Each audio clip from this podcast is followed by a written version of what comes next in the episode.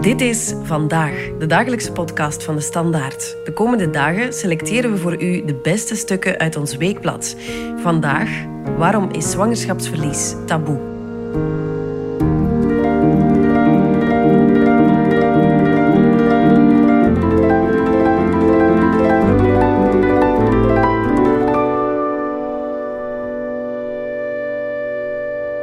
Ik ben Anne-Sophie de Keizer. Ik ben redactrice bij DS Weekblad. En ik heb in december een artikel geschreven over zwangerschapsverlies. Uh, vaak ook miskramen genoemd, maar dat is een, een, een, een moeilijk woord omdat daar mis bij zit, alsof dat iemand iets fout heeft gedaan, wat, uh, wat doorgaans niet het geval is. En miskramen worden ook, die term wordt meestal pas gebruikt tot uh, een week of 16 zwangerschap. En ik ben ook gaan kijken naar daarna, wat als het daarna misloopt in de zwangerschap. Ik wou dit stuk heel graag schrijven omdat ik van dichtbij heb meegemaakt hoe het verlies van een ongeboren kind kan wegen op een gezin. Ook jaren en jaren en jaren nadat het gebeurd is. En vooral omdat er niet over gesproken wordt. Het er is zo'n enorm uh, taboe op het onderwerp, of een omerta, um, terwijl het, het, waardoor het een heel eenzaam verdriet wordt voor vrouwen. Uh, er zijn miljoenen en miljoenen vrouwen die het hebben meegemaakt, maar toch is het iets heel eenzaams. Uh, mensen weten vaak ook niet goed wat ze moeten zeggen tegen iemand die een ongeboren kind is verloren. En er is de, de twaalf weken regel. Elke eh, vrouw die ooit zwanger is geweest zal die wel kennen. Zo'n ongeschreven regel die stelt dat je beter zwijgt. Niet zegt dat je zwanger bent uh, voor je twaalf weken ver bent. Want dat het wel eens zou kunnen misgaan. Wat dan impliceert dat als het misgaat, dat je er niet over mag spreken. En dat is nogal problematisch. Wanneer Gilles Goossens in de spiegel kijkt, ziet ze wat er niet is. Ik had hier hoogzwanger moeten staan. Ik was uitgerekend voor 17 december, maar mijn buik is leeg. De spiksplinternieuwe maxicosi is op zolder gezet. De deur van de pasgeverfde kinderkamer blijft voorlopig dicht. Toen ze twintig weken zwanger was, bleef het akelig stil tijdens de echografie. Op de beelden zag de gynaecoloog: Het is een meisje. Ze heeft een open ruggetje en abnormaal veel vocht in het hoofd. Toen moesten mijn vriend Senne en ik het moeilijkste doen wat we ooit zullen moeten doen, zegt Chill. Beslissen over het leven van ons eerste kindje.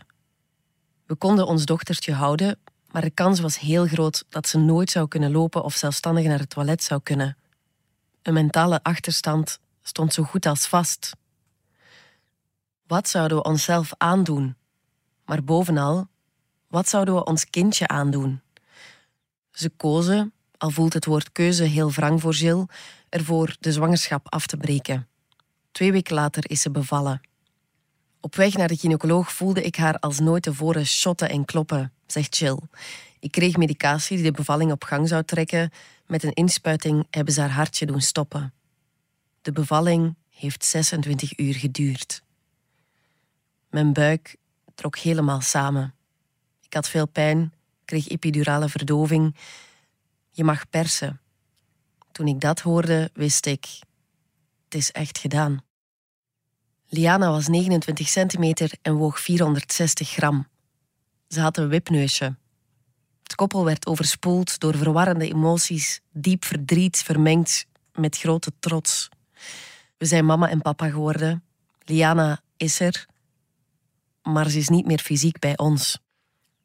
Ze hebben haar vastgepakt, gestreeld, geknuffeld, genoten van de tijd die hen samen gegund was.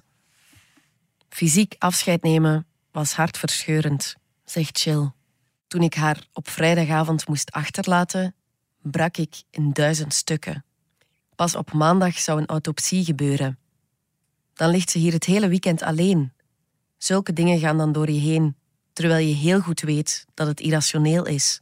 Maar het voelt zo tegennatuurlijk om je kind achter te laten. Jill vertelt dat mensen vaak niet weten wat te zeggen. Wellicht zijn ze bang dat ik zou beginnen te wenen of willen ze me niet kwetsen, maar ik vertel net heel graag over Liana. Doe deugd om mensen te spreken die je verdriet erkennen. Er zijn natuurlijk ook opmerkingen die pijn doen. Volgende keer beter. Dat we nog jong zijn en dat het nog wel zal lukken. Maar wat maakt het uit dat we jong zijn? Ook uit ervaring. Heb je hier al over kunnen zetten, is echt niet wat je wilt horen een paar dagen na de crematie. Wellicht zal ik dat nooit kunnen. Ik aanvaard niet dat het is gebeurd. Heb ik iets gedaan dat niet mocht? Ben ik schuldig aan haar dood? Dat vroeg ik me de eerste weken af, maar ik weet dat ik alles goed heb gedaan. Ik heb foliumzuur genomen, vitamines geslikt, niets gegeten of gedronken dat niet mag. Wat er gebeurd is in mijn lichaam, daar had ik geen enkele controle over.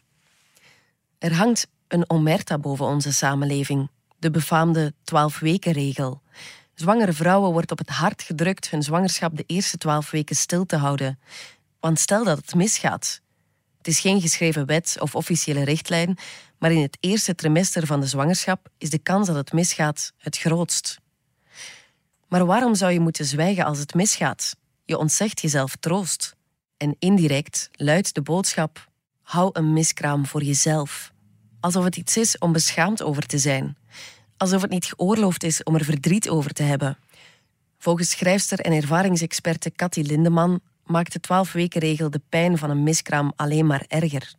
Het eerste trimester wordt een soort Schrödinger-zwangerschap. Je bent legitiem zwanger als het gaat om do's en don'ts, maar als je een miskraam hebt, krijg je te horen dat het nog geen echte zwangerschap was. Met de boodschap dat het vaak voorkomt, kun je haar ook niet troosten. Scheidingen komen ook vaak voor, zegt Cathy Lindeman. Maar je hoort toch zelden iemand zeggen: ha, Het spijt me dat je man je heeft verlaten, maar ja, dat gebeurt zo vaak. Je kunt altijd wel snel opnieuw trouwen. Journalistes Lauren Kelly en Alexandra March spraken met honderden vrouwen die zwangerschapsverlies hebben meegemaakt. Geen twee reacties waren dezelfde. Hun conclusie: een miskraam is misschien wel de eenzaamste ervaring die miljoenen vrouwen hebben meegemaakt. Waarom heeft niemand mij dit verteld? zei een vriendin nadat haar zwangerschap was fout gelopen. Waarom wist ik niet dat het zo zou voelen, alsof ik weeën had terwijl er een plas bloed met grote klonters uit mij kwamen? Waarom had ik geen idee dat dat meer dan een week zou duren? 15 tot 20 procent van de zwangerschappen eindigt in een miskraam, weet gynaecologe Isabel de Hane van het UZ in Gent. Mensen staan er niet bij stil dat er echt wel heel veel goed moet gaan om tot een goede innesteling te komen. Het is niet verwonderlijk dat het geregeld fout loopt. Niet dat ze het hoge risico vermeldt bij een eerste consultatie. Alleen bij mensen met een verhoogde kans op miskraam, zoals diabetici of vrouwen met een hoge BMI, dan zeg ik het meteen, zegt gynaecologe Isabel de Hana. Wat een miskraam is, is lastig te definiëren. Ligt de grens op 22, 16 of 12 weken? Er is geen clear cut, vertelt de Hane. Wij spreken over een miskraam in de eerste 16 weken van de zwangerschap. Daarna, tot 24 weken, heet het een immature bevalling. Dat is de grens van de levensvatbaarheid. De Hane zegt haar patiënten dat ze zelf moeten beslissen of ze de zwangerschap willen bekendmaken in de eerste 12 weken.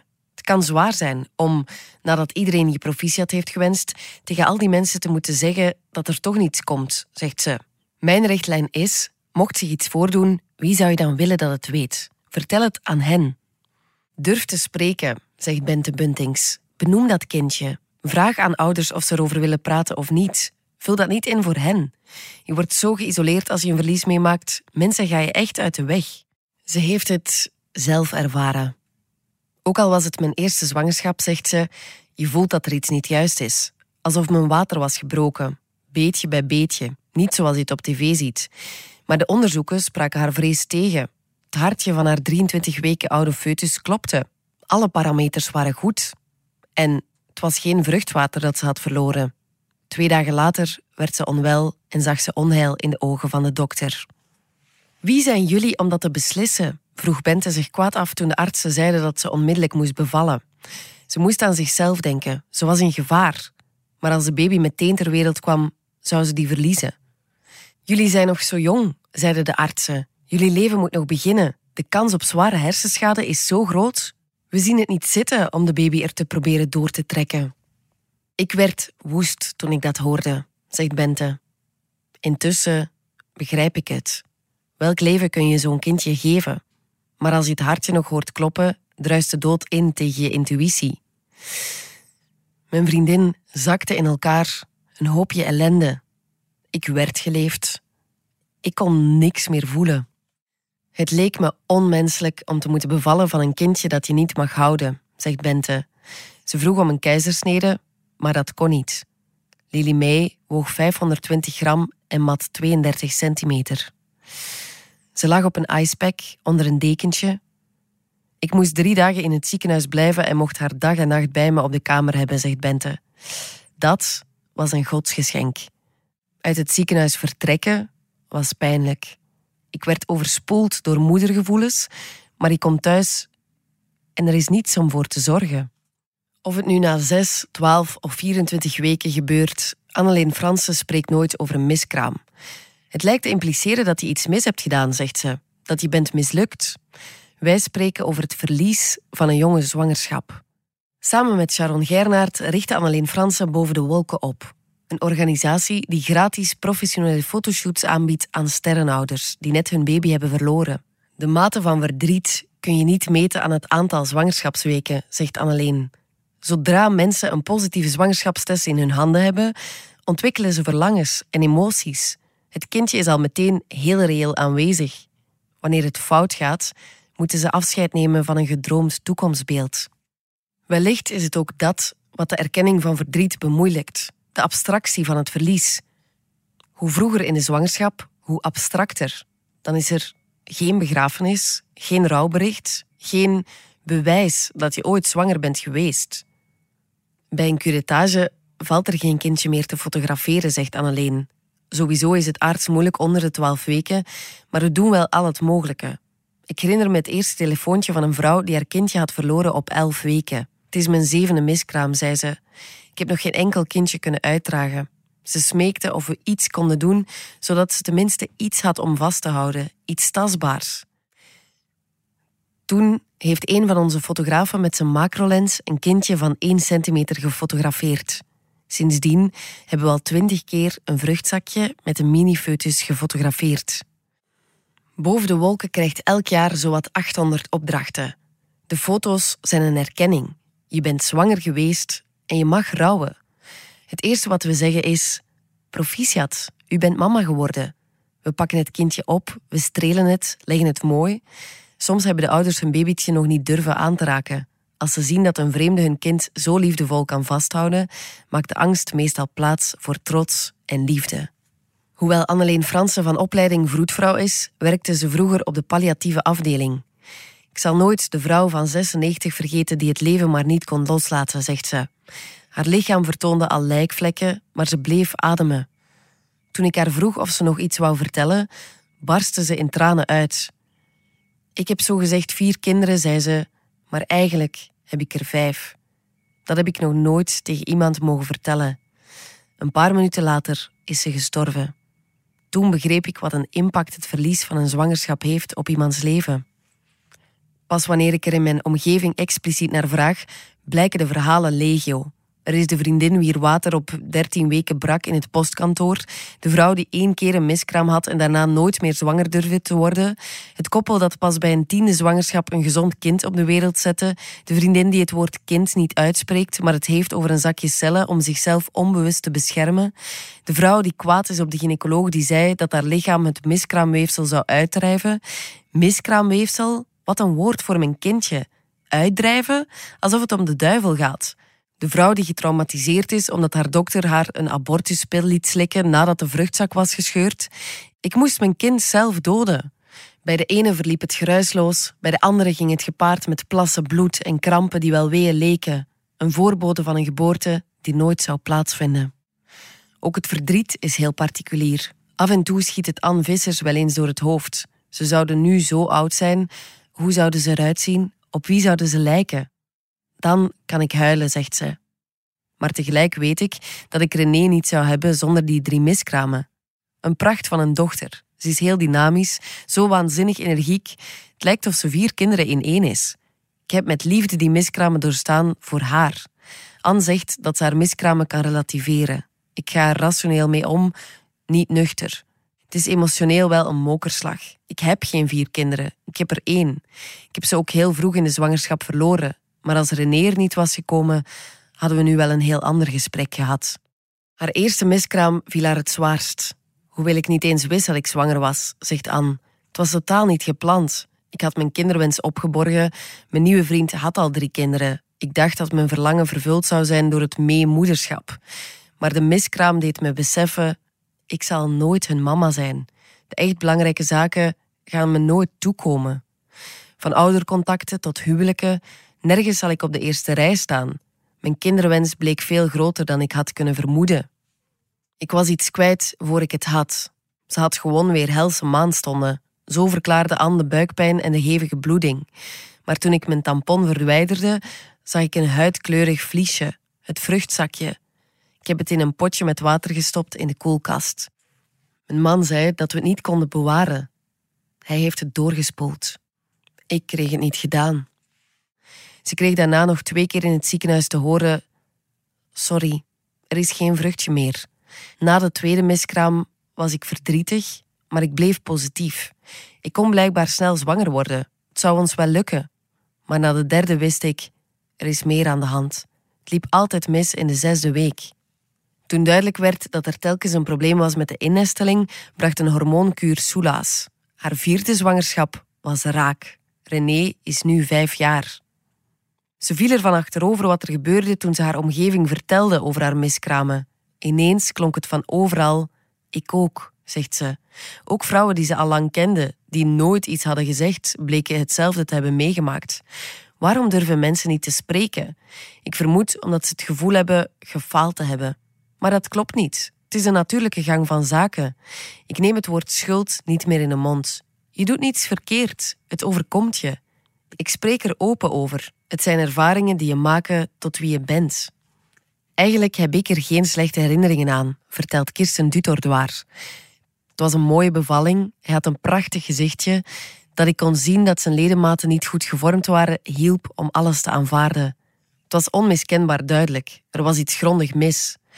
Kirsten was 22 weken zwanger toen de foeticide werd toegediend. Via mijn buik gaven ze de foetus een inspuiting in het hartje, zegt ze. Een ingreep die niet elk ziekenhuis mag uitvoeren. Ik ben naar een andere stad gegaan waar het wel kon, want zonder foeticide was Pelle misschien levend geboren. En dat leek me ondraaglijk. Een levende baby zien en niets anders kunnen doen dan wachten tot hij sterft. Zijn longen waren niet in staat om hem te laten overleven. Hoe lang duurt zoiets? Een uur? Twee uur? Langer? Omdat hij pas 22 weken was, hebben we Pelle mee naar huis mogen nemen. Ik kreeg wel een klop van de hamer toen ik om middernacht in de auto naar huis reed, met hem in mijn armen. Toen pas drong het echt door. Ik ga hem moeten afgeven. Mijn dochter Liv, die toen tien was, heeft hem nog geknuffeld. Mijn vader, moeder en zus hebben hem nog gezien. De twee dagen dat we Pelle in huis hadden, hebben we het gezellig proberen te maken. We wisten dat we daarna nooit meer met z'n allen samen zouden zijn. We hebben met z'n vieren in bed geslapen. Liv heeft zijn kistje versierd met een knuffel, een dekentje en in minikleertjes hebben we pellen erin gelegd. Heb je mannen die daarmee naar buiten komen? vraagt Anne Vissers. Ontzettend veel koppels gaan uit elkaar nadat ze een zwangerschap hebben verloren. Ze rouwen op een andere manier en verliezen elkaar. Ook bij ons legde het een zware hypotheek op onze relatie. Ik had het moeilijk om mijn verdriet met mijn man te delen. Hans had wel drie kinderen, Hoewel hij er ook van afzag, ging het door mijn hoofd: bij mij lukt het niet. Ik dacht nooit: bij ons lukt het niet. Jill Goossens zegt ook dat haar vriend Senne duidelijk veel verdriet heeft. Toch denk ik dat het voor hem anders is, zegt ze. Hij heeft haar nooit levend meegemaakt. Ik heb haar gevoeld. Ik voel vooral de leegte in mij. Hem valt de leegte in huis het zwaarst. We zijn een gezin van drie, maar er zijn er maar twee te zien. Ook Bente bekent dat zij en haar vriendin Charlotte het moeilijk hebben gehad. Zij leek te doen alsof er niets gebeurd was. Ze ging keihard werken en praatte er niet over. Later ontdekte ik dat ze er wel over babbelde, alleen niet met mij. Zij had blijkbaar het gevoel dat ze zich sterk moest houden voor mij, alsof haar verdriet minder erg was. In huis staat een tafeltje voor Lily May, met een mooie ballon waarop staat It's a Girl, een dekentje, een herinneringendoos, de urne en een boekje. Daarin schrijven we allebei brieven aan onze dochter. We lezen elkaars woorden. Zo zijn we met elkaar beginnen te communiceren over wat ons is overkomen. Twee cycli na de geboorte van Lily May was Bente opnieuw in verwachting. Een heel zware zwangerschap, zowel fysiek als mentaal. Het is genieten en rouwen tegelijk. Het is blij zijn en ook doodsbang. Ik vertrouwde mijn lichaam niet meer. De zwangerschap leek eeuwen te duren. Ik leefde van echo naar echo, van nekplooimeting naar niptest. Maar alles verliep perfect. Elk jaar op 10 maart vieren Bente, Charlotte en hun nieuwe dochtertje, Ivy May, de verjaardag van Lily May. Ze blijft ons eerste kindje. We zijn heel trots op haar. De prachtige foto's die we dankzij Boven de Wolken hebben, zijn van onschatbare waarde. Ik zou het onverdraagbaar vinden mocht ik niet meer weten hoe ze eruit zag. Een derde kindje komt er niet, hebben ze beslist. Anne Vissers is dolgelukkig met René. Maar nu de grote kinderen van wie ze meemoeder is bijna het huis uit zijn, knaagt het soms dat ze maar één kind heeft. Ik heb altijd van een groot gezin gedroomd. Ze vertelt dat de miskramen haar hebben opgezadeld met een grote overbezorgdheid. Toen René nog een baby was, heb ik haar vaak wakker gemaakt, zegt Anne. Ze sliep heel vast, maar ik dacht de hele tijd aan wie gedood. Ook nu is er nog altijd een stem in mijn hoofd die zegt: Het kan nog misgaan. Als René in een auto stapt, bijvoorbeeld. Ik hoop dat ik mijn angst niet op haar overdraag en dat ik het op een dag kan loslaten. Als je aan Kirsten Dutordoir vraagt hoeveel kinderen ze heeft, zal ze drie zeggen. Liv, Pelle en Elle. Nu 15 maanden. Pelle is nog altijd aanwezig. Zijn foto's hangen in huis, zijn urne staat op de kast. Maar zich proberen in te beelden hoe hij er nu zou uitzien of wat zijn toekomst had kunnen zijn, doet Kirsten niet. Ik denk vooral, mocht het niet gebeurd zijn, zou ik Elle niet hebben. Daar trek ik mij aan op. Drie maanden hebben Gilles Goossens en haar vriend gewacht op de resultaten van de autopsie. Ook de andere onderzoeken tonen aan dat er geen genetische stoornis aan de oorzaak ligt van het zwangerschapsverlies. Hoe gaan we verder? vraagt ze zich af. Kunnen we het emotioneel aan om onze kinderwens verder te zetten? Eigenlijk weten we het niet. Nu laten we de natuur haar gang gaan.